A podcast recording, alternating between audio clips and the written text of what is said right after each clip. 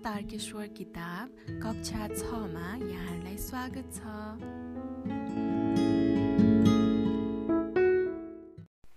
एकाइ छ पाठ दुई पाना नम्बर छैसाठी जलस्रोत। तारकेश्वर नगरपालिकामा पनि विभिन्न प्रकारका प्राकृतिक स्रोत र साधन रहेका छन्। यसको उत्तरतर्फ शिवपुरी नागार्जुन राष्ट्रिय निकुञ्ज छ जुन काठमाडौँ महानगरपालिका र यस नगरको पनि जलाधार क्षेत्र हो। त्यसैले जलस्रोतमा यो नगर अत्यन्त समृद्ध छ।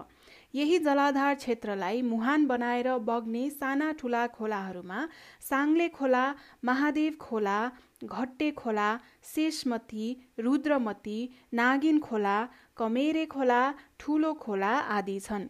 यस नगरमा खानेपानी तथा सिँचाइको प्रबन्ध यिनै खोलाहरूबाट हुने गरेको छ। यस नगरमा साना ठुला पोखरीहरू पनि रहेका छन्।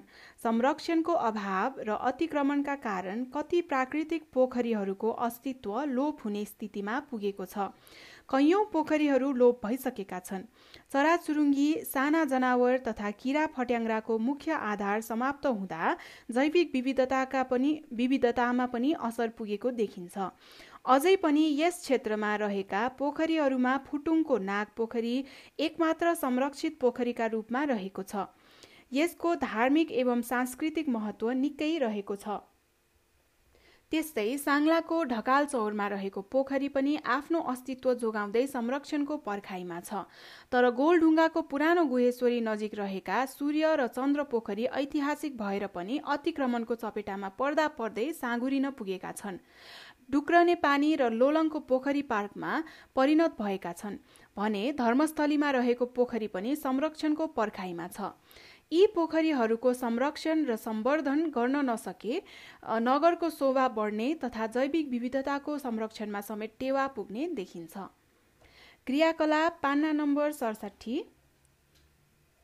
एक आफ्नो नजिकैको कुनै खोला पोखरी जलस्रोतको मुहान आदिको स्थलगत भ्रमण गरी त्यसको अवस्था र पानीको महत्त्वका सन्दर्भमा विषय शिक्षकसँग छलफल गर्नुहोस्।